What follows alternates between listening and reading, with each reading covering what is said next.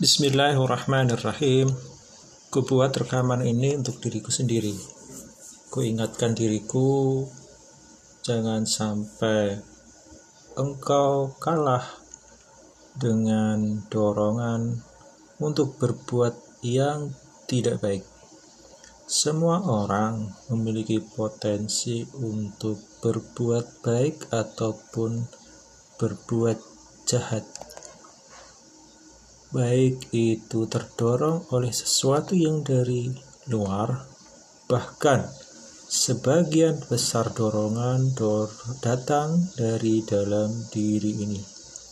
Maka dari itu, setiap podcast yang nantinya akan direkam dan dipublikasikan di sini adalah pengingatan untuk diri ini sendiri dan menjadi satu cara untuk menjadi lebih baik.